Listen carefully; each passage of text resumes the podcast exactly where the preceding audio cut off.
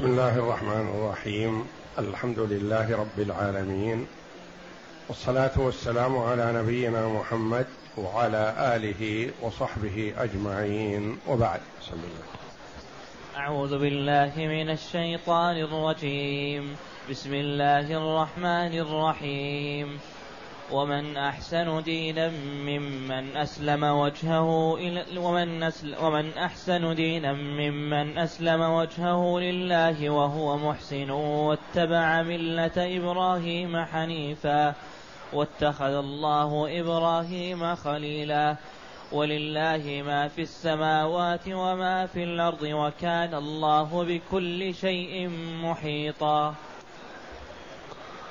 هاتان الآيتان الكريمتان من سورة النساء جاءتا بعد قوله جل وعلا ومن يعمل من الصالحات من ذكر أو أنثى وهو مؤمن فأولئك يدخلون الجنة ولا يظلمون نقيرا.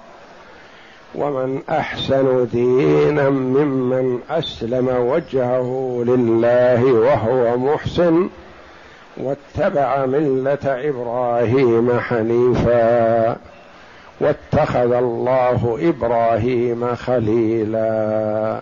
الآية.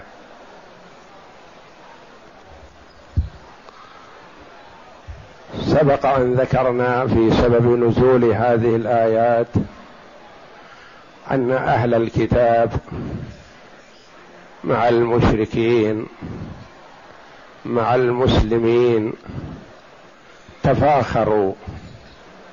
كل يقول ديني أحسن ونبيي أفضل وأهل والمشركون ينكرون البعث ويجحدون ذلك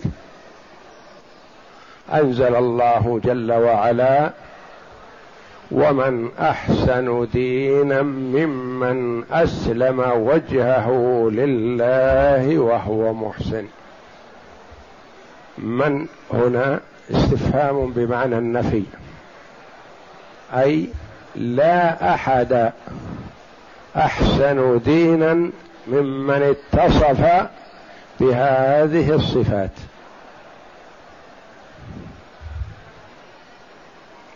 الدين الحق هو الذي ارتضاه الله جل وعلا لأنبيائه ورسله وعباده المؤمنين.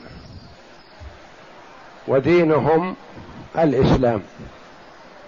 يحكم بها النبيون الذين أسلموا للذين هادوا والأحبار.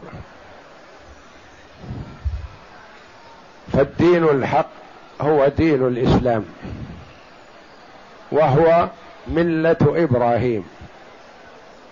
وإبراهيم عليه السلام تعظمه اليهود والنصارى والمشركون. كلهم يعظمونه ويعترفون بإمامته وكل يدعي أنه على دين إبراهيم. مشركو قريش يقولون نحن على ملة إبراهيم وعلى دين إبراهيم. واليهود يزعمون ذلك والنصارى يزعمون ذلك وكلهم مخالفون لدين إبراهيم عليه السلام. فإبراهيم على ما ذكر المفسرون رحمهم الله هو الوحيد الذي تعظمه اليهود والنصارى والمشركون مع تعظيم المسلمين له على حق. فالمسلمون يعظمونه على حق وأولئك يعظمونه ادعاء وزعم ولم يتبعوا ملته لا المشركون ولا اليهود ولا النصارى. والله جل وعلا أثنى على إبراهيم عليه السلام. إن إبراهيم كان أمة قانتا لله حنيفا ولم يكن من المشركين. لا يهودي ولا نصراني ولا مشرك. إن أولى الناس بإبراهيم للذين اتبعوه وهذا النبي محمد صلى الله عليه وسلم.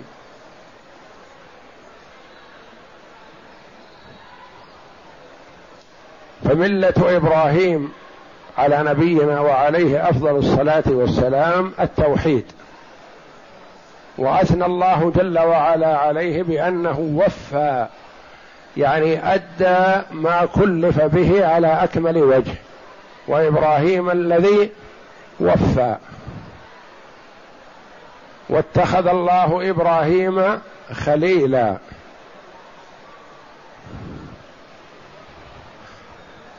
فيقول جل وعلا ومن أحسن دينا ممن اتصف بهذه الصفات لا اليهود ولا النصارى ولا المشركون.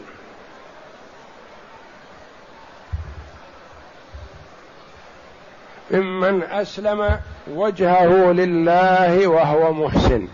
أسلم بمعنى استسلم وانقاد لله جل وعلا. والإسلام هو الاستسلام لله بالتوحيد والانقياد له بالطاعة والخلوص من الشرك. لا أحد أحسن ممن أسلم وجهه لله ممن أفرد العبادة لله وحده. وهذا الجزء من هذه الآية الكريمة اشتمل على الشرطين الأساسيين اللذين لا يقبل العمل إلا بهما وهما الإخلاص لله جل وعلا والمتابعة للنبي صلى الله عليه وسلم. الإخلاص لله من أين يؤخذ؟ من قوله تعالى ومن أحسن دينا ممن أسلم. أسلم وجهه لله. والمتابعة من قوله تعالى وهو محسن. يعني يعمل العمل الصالح. والعمل الصالح ما كان خالصا صوابا لله. مخالصا لوجه الله صوابا على سنة رسول الله صلى الله عليه وسلم.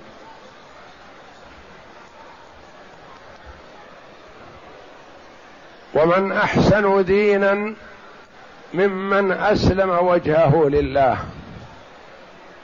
مهما تفاخر الناس وزعم كل زاعم أنه على حق أو أنه أهدى فاليهود يزعمون انه أبناء الله وأحباؤه.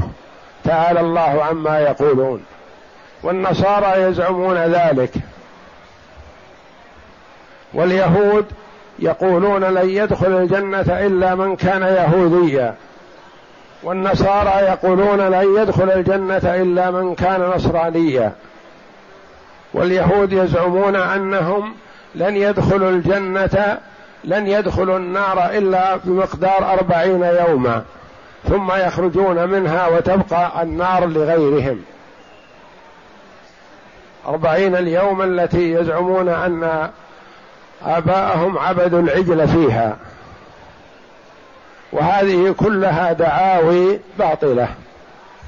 وإنما الدعوة المقبولة هي التي يصاحبها الدليل والبرهان. وهي إذا اقترنت بالاستسلام لله. الاستسلام لله جل وعلا الانقياد لأوامره واجتناب نواهيه. فمن عبد مع الله غيره فمن قاد لله. وما أخلص العبادة لله. وليس على حق بل هو على بل هو باطل. والله جل وعلا يقول إن الله لا يغفر أن يشرك به ويغفر ما دون ذلك لمن يشاء. ويقول جل وعلا ولقد أوحي إليك وإلى الذين من قبلك لئن أشركت ليحبطن عملك ولتكونن من الخاسرين. فالمشرك حابط عمله. والله جل وعلا يقول عنهم وقدمنا إلى ما عملوا من عمل فجعلناه هباء منثورا. عمل ظاهره الصلاح لكن لما لم يكن لله ولم يكن على وفق سنة رسول الله لا قيمة له. ومن أحسن دينا ممن أسلم وجهه. الوجه هو أشرف الأعضاء. فإذا انقاد أشرف الأعضاء لله انقادت بقية الأعضاء له. كما أن القلب هو الحاكم على الأعضاء. وفي كل يوم تكفر الأعضاء القلب. وتقول اتق الله فإنما نحن بك. فإن استقمت استقمنا وإن اعوججت اعوججنا. ومن أحسن دينا ممن أسلم وجهه لله. قد يكون العبد مخلص لله. ما يريد رياء ولا سمعة لكن عمله على غير السنة كعمل المبتدعة. فبعض المبتدعة مخلص لله ما يقال عنه إنه مرائي وإنما عمله على خلاف سنة رسول الله صلى الله عليه وسلم. اتبع فيه الآباء والأجداد أو اقترح شيئا من عنده أو ابتدع شيئا من الدين.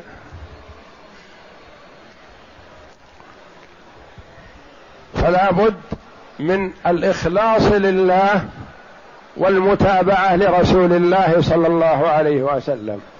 والله جل وعلا يقول لعبده ورسوله محمد صلى الله عليه وسلم قل إن كنتم تحبون الله فاتبعوني يحببكم الله. محبة الله لكم متوقفة على اتباعكم إياي. فإذا اتبعتم اتبعتموني أحبكم الله. وإذا خالفتموني فلن يحبكم الله. فاليهود والنصارى يزعمون أنهم موحدون وأنهم يعبدون الله. ويوجد فيهم المشرك ويوجد فيهم المفرد لله بالعبادة. لكن مع إفراده لله بالعبادة لن يقبل منه لأنه ما اتبع محمد صلى الله عليه وسلم. أما الذي اتبع محمدا صلى الله عليه وسلم من اليهود فهذا ممن يؤتى أجره مرتين كعبد الله بن سلام وأخيه وجماعة من اليهود وهم قلة يعدون على الأصابع. أسلموا وآمنوا بمحمد صلى الله عليه وسلم فوعدهم الله جل وعلا بأنهم يؤتون أجرهم مرتين لأنهم مؤمنون بموسى والتوراة وآمنوا بمحمد صلى الله عليه وسلم والقرآن فيؤتون أجرهم مرتين. ومن أحسن دينا ممن أسلم وجهه لله يعني أنه منقاد لله هواه تبع للإسلام ولما جاء به محمد صلى الله عليه وسلم. ما يتبع القرآن أو يتبع محمد في شيء ويخالفه في شيء. يتبعه في الصلاة والزكاة والصيام والحج ويخالفه في المعاملات. لا هذا ما أسلم حقيقة إسلام كامل. خالفه في المال بالمعاملات الربوية والغش والخداع خالف. إذا اتبعه في الصلاة وخالفه في الزكاة ما اتبع ملة إبراهيم. ما اتبع محمدا صلى الله عليه وسلم. فلا بد في الكمال أن يكون من جميع الوجوه. وثم البخس يتفاوت. بخس قد يخرج من الإسلام. كمن أشرك أو استحل شيئا محرم أو حرم شيئا حلال. هذا كفر. وقد يكون معصية والمعصية من أصول أهل السنة والجماعة أنها إذا لم تصل إلى حد الشرك فإنها لا تخرج المسلم من الإسلام ولكن تبعده عن الكمال ما يحصل له الكمال. والإسلام والإيمان يزيد وينقص يزيد بالطاعات وينقص بالمعصية. ومن أحسن دينا ممن أسلم وجهه لله. في كل شيء. في العبادات والمعاملات وغير ذلك. مما بينه وبين العباد أو بينه وبين الله. لأن من الناس من يخلص في المعاملات لكن يبخس العبادات. ومن الناس من يخلص في العبادات. لكن يبخس في المعاملات ويبتعد عن المعاملات الصحيحة ويتعامل بالمعاملات السيئة. فيجتمع ماله من الربا والحرام فينبت لحمه على الحرام وكل لحم نبت على سحت فالنار أولى به. أسلم وجهه لله يعني في كل شيء وهو محسن. محسن أعلى درجة من درجات من الدرجات التي يتصف بها العبد. لأن درجات التي يمكن أن يتصف بها العبد فيما بينه وبين الله الإسلام والإيمان والإحسان أعلاها. ولا يتم الإسلام إلا بإيمان ولا يتم الإيمان إلا بإسلام ثم الإحسان أعلى درجة وهي درجة الأعلون كما قال عليه الصلاة والسلام في بيانه أن تعبد الله كأنك تراه. تعبد ربك عبادة من كأنه يرى الله. يعني أي عمل تقدم عليه عندك يقين وإيمان جازم بأن الله يطلع عليك. فتراقب ربك في كل شيء في كل ما تأتي وتذر. في الصلاه والزكاة والصيام والحج وصلة الرحم وبر الوالدين والتعامل مع الناس والبيع والشراء وجميع التصرفات فما يتصرف المسلم تصرفا خاطئ يقول لا هذا في باب المعاملات ما يضر. هذا في باب التجارة ما يؤثر. لا. كان عمر رضي الله عنه يدخل السوق لا لبيع ولا لشراء يسأل الباعة عن أحكام البيع. فمن وجده لا يحسن أحكام البيع ضربه بالدرة التي معه وأخرجه من السوق. قال لا تفسدوا علينا أسواقنا. فالمسلم متعبد لله في بيعه وشرائه وتعامله مع الآخرين كما هو متعبد لله في الصلاة والصيام والزكاة والحج. خلاف ما يقوله النصارى وغيرهم ما لله لله وما لقيصر لقيصر. يقول أمور الآخرة لله وأمور الدنيا يعمل فيها الإنسان الشيء الذي يروق له ويستفيد منه ويربحه. والله جل وعلا حذر من المعاملات المحرمة أشد تحذير. توعد المرابين بأشد مما توعد به المشركين. الذين يأكلون الربا لا يقومون إلا كما يقوم الذي يتخبطه الشيطان من المس. ذلك بأنهم قالوا إنما البيع مثل الربا وأحل الله البيع وحرم الربا فمن جاءه موعظة من ربه فانتهى فله ما سلف وأمره إلى الله ومن عاد فأولئك أصحاب النار هم فيها خالدون. وهذا في المعاملة وقد يكون يصلي ويصوم ويخرج الزكاة وغير ذلك من العبادات لكنه في المعاملة هذا عمله والعياذ بالله.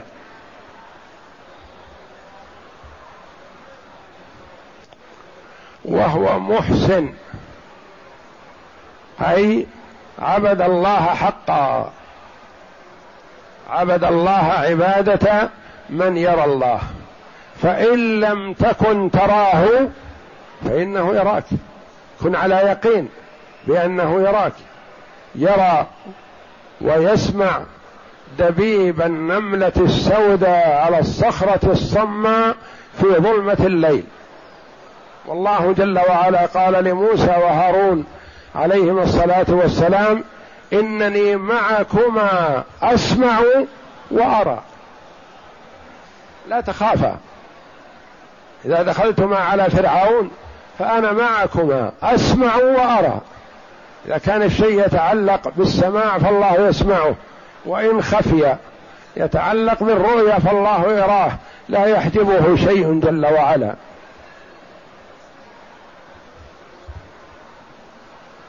وهو محسن واتبع ملة إبراهيم حنيفا. هذا أحسن دين.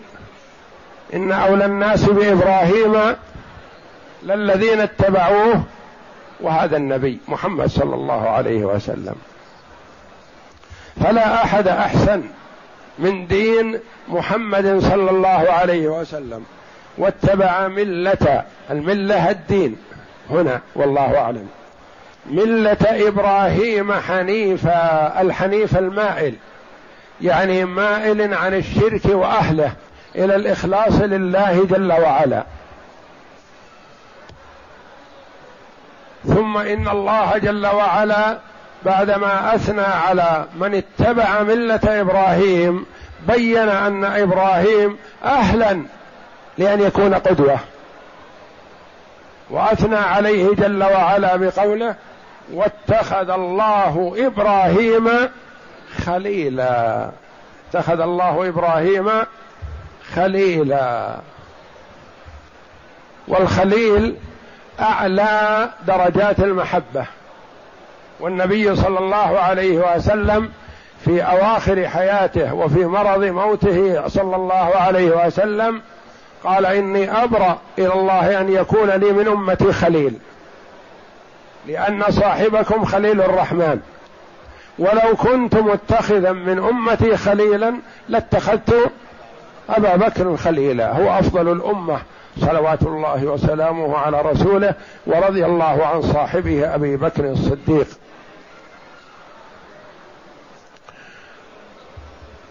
فأثنى الله جل وعلا على إبراهيم بأنه اتخذه خليل. وأخبر صلى الله عليه وسلم في الحديث الصحيح أن الله اتخذه خليلا كما اتخذ إبراهيم خليلا. وكلمه كما كلم موسى. واختلف العلماء في سبب تسمية إبراهيم خليل واتخاذ الله جل وعلا له خليل. فرأوا في هذا آثار قد تكون دالة على شيء من ذلك وهو أن إبراهيم عليه السلام فرغ قلبه تفريغا كاملا لمحبة الله تبارك وتعالى. تجرد عن محبة المال والولد والأهل وكل شيء محبة لله تبارك وتعالى.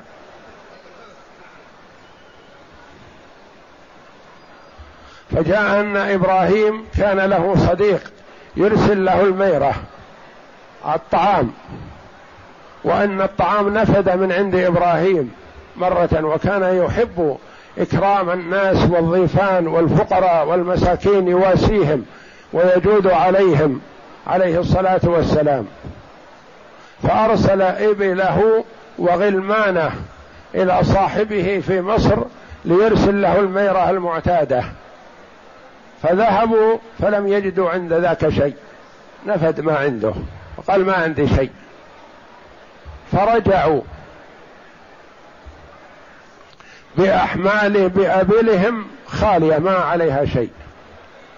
فلما مروا بكثبان رمل أحمر حسن قالوا نملأ مزاودنا من هذا حتى إذا دخلنا البلد ما يرى الناس أن مزاودنا خالية.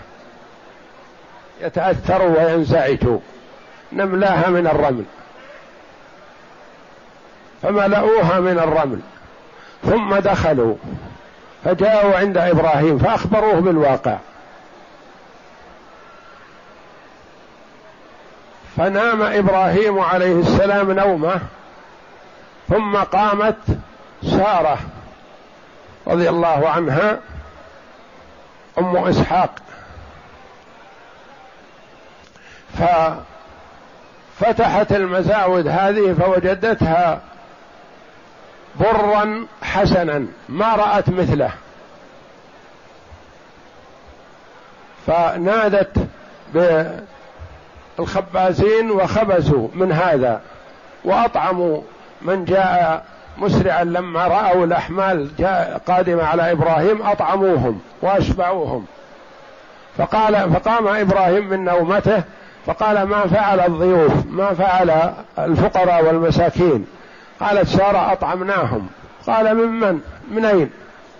قالت من الطعام الذي جاء به الغلمان من خليلك بمصر. قال خليل الله. ما هو خليل راعي مصر؟ راعي مصر ما أعطاهم شيء لأنه علم عن هذا قبل أن ينام. خليلي الله هو الذي أعطانا هذا ولا أخبروه أنهم أتوا بها ملأى بالرمل.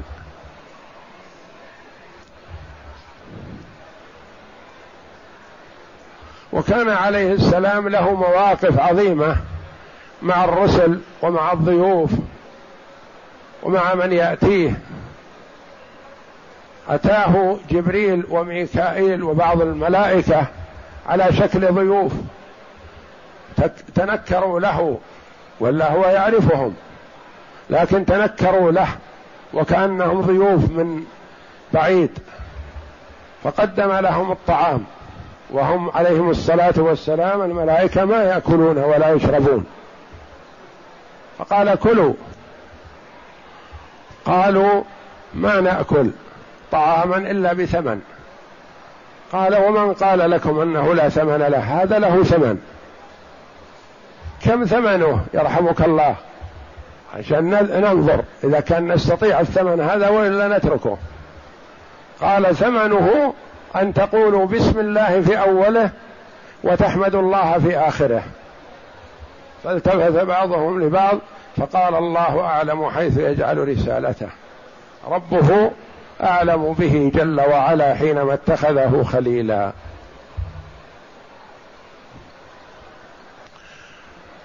وأعطاه الله جل وعلا بأنه ما بعث نبيا بعد إبراهيم إلا من آل بيته. لوط ابن أخيه. ثم من بعد لوط كلهم من ذرية إبراهيم على نبينا وعليه أفضل الصلاة والسلام. وكل الأنبياء من ذرية إسحاق إلا محمد صلى الله عليه وسلم فهو من ذرية إسماعيل. إبراهيم عليه السلام ولد له وهو كبير وإلا مضى جل عمره ولم يولد له وامرأته عقيم. فولد له أولا إسماعيل. فلما شب وترعرع أمر برؤيا منام ورؤيا الأنبياء حق بأن يذبحه. ليختبره الله جل وعلا. فبادر عليه السلام وقال لولده إني أرى في المنام أني أذبحك كما قص الله جل وعلا علينا ذلك في كتابه العزيز الذي لا يأتيه الباطل من بين يديه ولا من خلفه تنزيل من حكيم حميد. قال يا أبت افعل ما تؤمر ستجدني إن شاء الله من الصابرين. تعاون الوالد والولد عليهم الصلاة والسلام. وعزم الوالد على ذبح الولد وأعانه الولد ودله على الطريقة التي يذبحه فيها وينتهي بسرعة ولا يتوقف أو يتردد أو تأخذه الرحمة رحمة الولد ونحو ذلك لا. فأسعفهم الله جل وعلا بأن فداه بذبح عظيم. فحصلت النتيجة وهي الإخلاص لله جل وعلا وتفريغ القلب من محبة الولد والمال والأهل لله تبارك وتعالى. فاتخذه الله جل وعلا خليلا وميزه فهو الخليل ومحمد صلى الله عليه وسلم خليل وموسى الكليم ومحمد صلى الله عليه وسلم الكليم. واتخذ الله إبراهيم خليلا. الأمة يقولون خليلنا محمد صلى الله عليه وسلم. أبو هريرة رضي الله عنه يقول أخبرني خليلي وأمرني خليلي وغيره من الصحابة رضي فتكون الخلة نعم من طرف. يعني أبو هريرة يقول خليلي محمد صلى الله عليه وسلم لكن لا يقول محمد صلى الله عليه وسلم خليلي أبو هريرة. لا. ولا يقول محمد صلى الله عليه وسلم خليلي أبو بكر. لا. يقول لو كنت متخذا من أمتي خليلا لاتخذت أبا بكر خليلا لكن صاحبكم خليل الرحمن. فالخلة تكون من طرف. أنت تقول مثلا خليلي فلان تحبه وهو يحبك ويحب غيرك أو يحب غيرك أكثر منك. فتكون أنت تقول هو خليلي وهو ما يقول إنك أنت خليله. واتخذ الله إبراهيم خليلا. ثم بين جل وعلا سعه ملكه وعظمته. وأن الجميع ملك لله جل وعلا. ولله ما في السماوات وما في الأرض. كلهم عبيده وتحت تصرفه وملكه سبحانه وتعالى. وكان الله بكل شيء محيطا. أحاط بكل شيء علما سبحانه وتعالى. لا تخفى عليه خافية. فلا يستتر عنه مخلوق. ولا يغيب عنه غائب عن الناس. كله خلقه في قبضته وتحت تصرفه واطلاعه.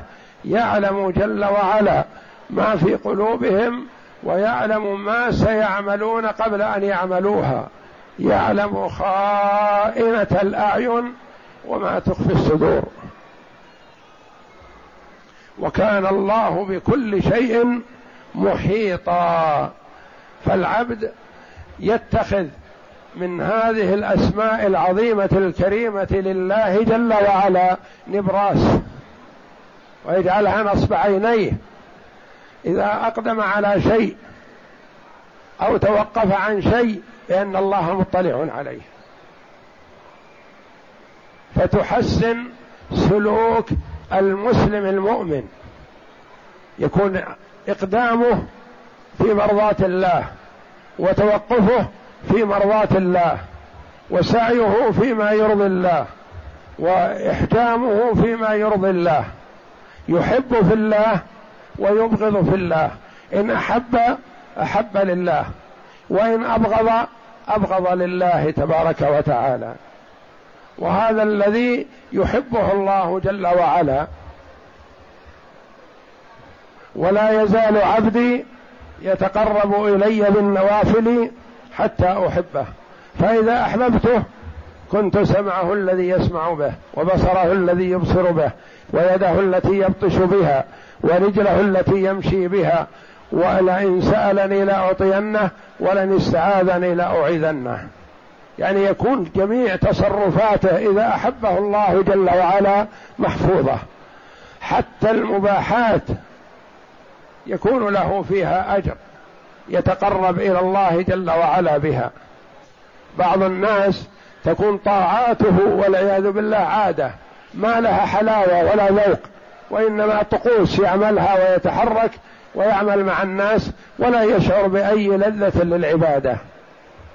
وبعض الناس الذين اصطفاهم الله جل وعلا يتعبد الله جل وعلا في أكله وشربه ونومه وكما قالت عائشة رضي الله عنها إني لأحتسب نومتي كما أحتسب قومتي.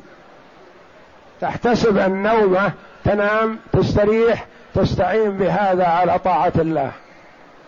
والمؤمن يأكل بنية التقرب إلى الله بالطاعة من أجل أن يتقوى على الطاعة ويستعين. وكان الله بكل شيء محيطا. فإذا نوى المسلم النية الحسنة يأجره الله جل وعلا عليها وإن لم يفعل.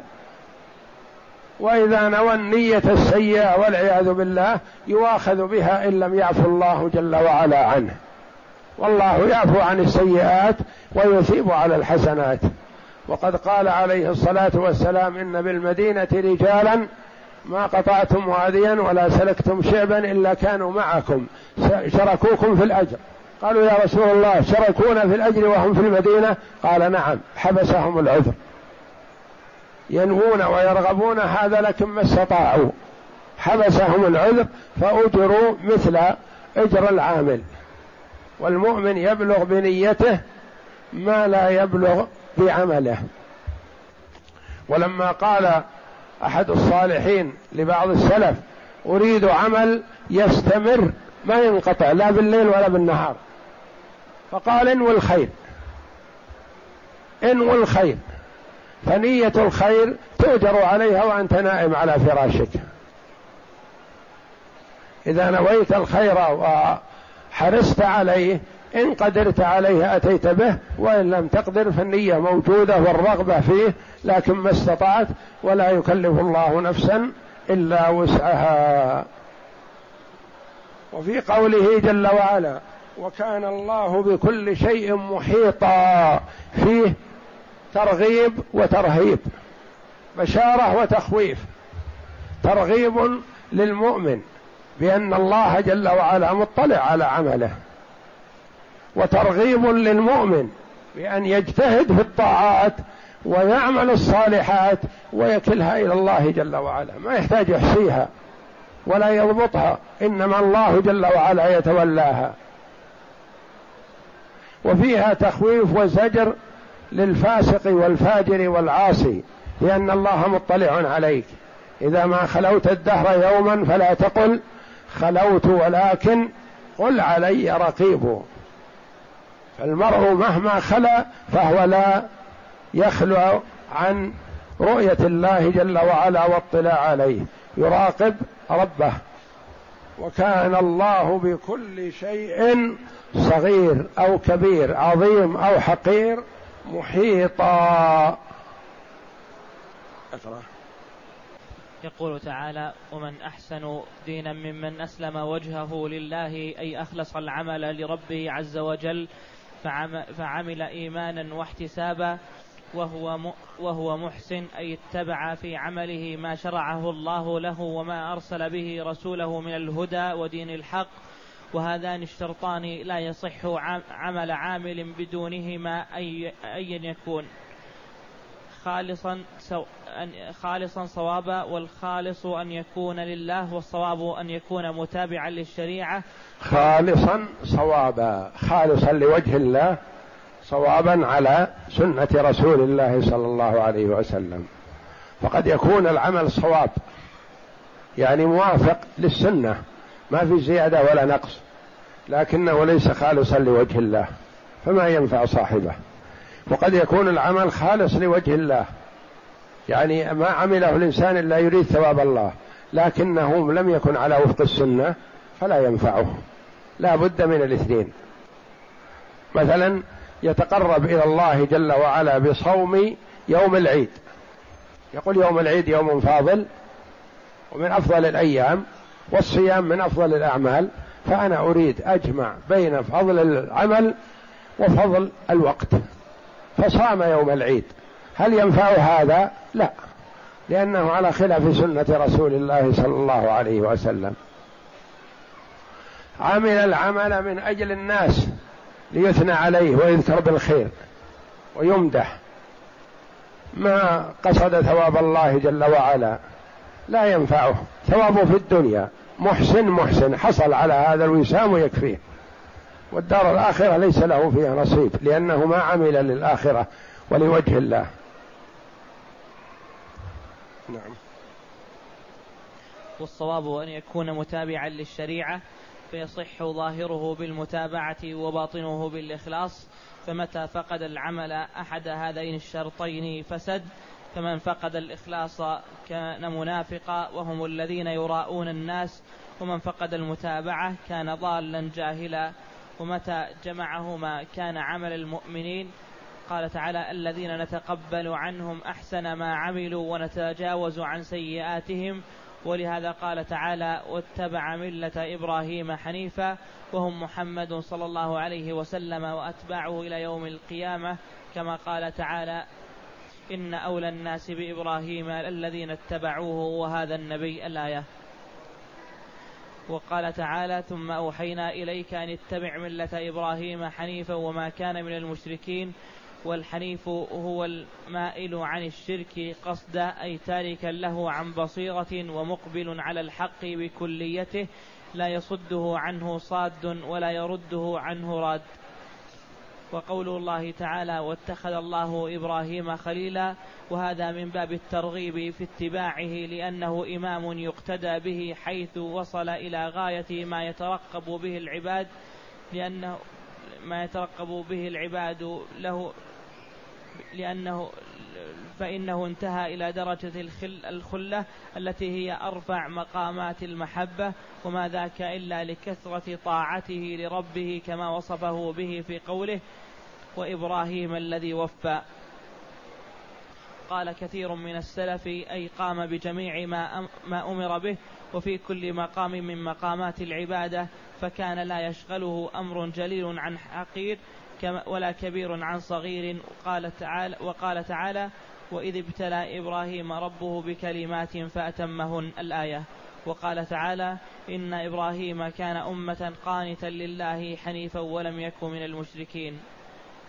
وقال البخاري عن عمرو بن ميمون قال إن معاذا لما قدم اليمن صلى بهم الصبح فقرأ واتخذ الله إبراهيم خليلا فقام رجل من القوم فقال رجل من القوم لقد قرأت عين أم إبراهيم لقد قرت عين أم إبراهيم وإنما سمي خليل الله لشدة محبته لربه عز وجل لما قام به من طاعته التي يحبها ويرضاها. ولهذا ثبت في الصحيحين أن رسول الله صلى الله عليه وسلم لما خطبهم في آخر خطبة خطبها قال أما بعد أيها الناس فلو كنت متخذا خليل فلو كنت متخذا من أهل الأرض خليلا لاتخذت أبا بكر بن أبي قحافة خليلا ولكن صاحبكم خليل الله. وروى أبو بكر بن مردويه عن عكرمة عن ابن عباس رضي الله عنهما قال جلس ناس من أصحاب رسول الله صلى الله عليه وسلم ينتظرونه فخرج حتى إذا دنا منهم سمعهم يتذاكرون فسمع حديثهم وإذا بعضهم يقول عجب إن, إن الله اتخذ من خلقه خليلا فإبراهيم خليله وقال آخر ماذا ماذا ماذا بأعجب من أن الله كلم موسى تكليما وقال آخر فعيسى روح الله وكلمته وقال آخر آدم اصطفاه الله فخرج عليهم فسلم وقال قد سمعت كلامكم وتعجب وتعجبكم وإن إبراهيم خليل الله وهو كذلك وموسى كليمه وعيسى روحه وكلمته وآدم اصطفاه الله وهو كذلك. وكذلك محمد صلى الله عليه وسلم قال ألا وإني حبيب الله ولا أفخر وأنا أول وأنا أول شافع وأول مشفع ولا فخر وأنا أول من يحرك حلق, حلق هو يخبر عليه الصلاة والسلام بما تفضل الله جل وعلا به. ويقول ولا فخر لأنه ما يمكن أن نعلم هذه الأشياء إلا من طريقه عليه الصلاة والسلام. ما يمكن أن تعلم أو يعلم فضل الله جل وعلا على عبده ورسوله محمد صلى الله عليه وسلم إلا من طريقه عليه الصلاة والسلام. فلذا أخبرنا عليه الصلاة والسلام وهو يقول لا فخر ويقول لا تطروني كما أطرت النصارى ابن مريم إنما عبد فقولوا عبد الله ورسوله. وحذرنا من الغلو فيه عليه الصلاة والسلام. نعم قال يقول وأنا أول من يحرك حلقة الجنة فيفتح الله ويدخلنيها ومعي فقراء المؤمنين. ولا فخر وأنا أكرم الأولين والآخرين يوم القيامة. ولا فخر وهذا حديث غريب ولبعضه شواهد في الصحاح وغيرها. وعن إسحاق بن يسار قال لما اتخذ الله إبراهيم خليلا ألقى في قلبه الوجل حتى إذا حتى إن خفقان قلبه ليسمع من بعيد كما يسمع خفقان الطير في الهواء. وهكذا جاء في صفة رسول الله صلى الله عليه وسلم أنه كان يسمع لصدره أزيز كأزيز المرجل إذا اشتد غليانها من البكاء إذا اشتد غليانها من البكاء. وقوله تعالى ولله ما في السماوات وما في الأرض أي الجميع أي الجميع ملكه وعبيده وخلقه وهو المتصرف في جميع ذلك لا راد لما قضى ولا معقب لما حكم لا يسأل عما يفعل لا يسأل عما يفعل لعظمته وقدرته وعدله وحكمته ولطفه ورحمته. وقوله تعالى وكان الله بكل شيء محيطا. أي علمه نافذ في جميع ذلك لا تخفى عليه خافية من عباده ولا يعزب عن عمل عن علمه مثقال ذرة في السماوات ولا في الأرض ولا أصغر من ذلك ولا أكبر. ولا تخفى عليه ذرة لما تراءى للناظرين وما توارى. والله أعلم وصلى الله وسلم وبارك على عبده ورسول نبينا محمد وعلى آله وصحبه أجمعين.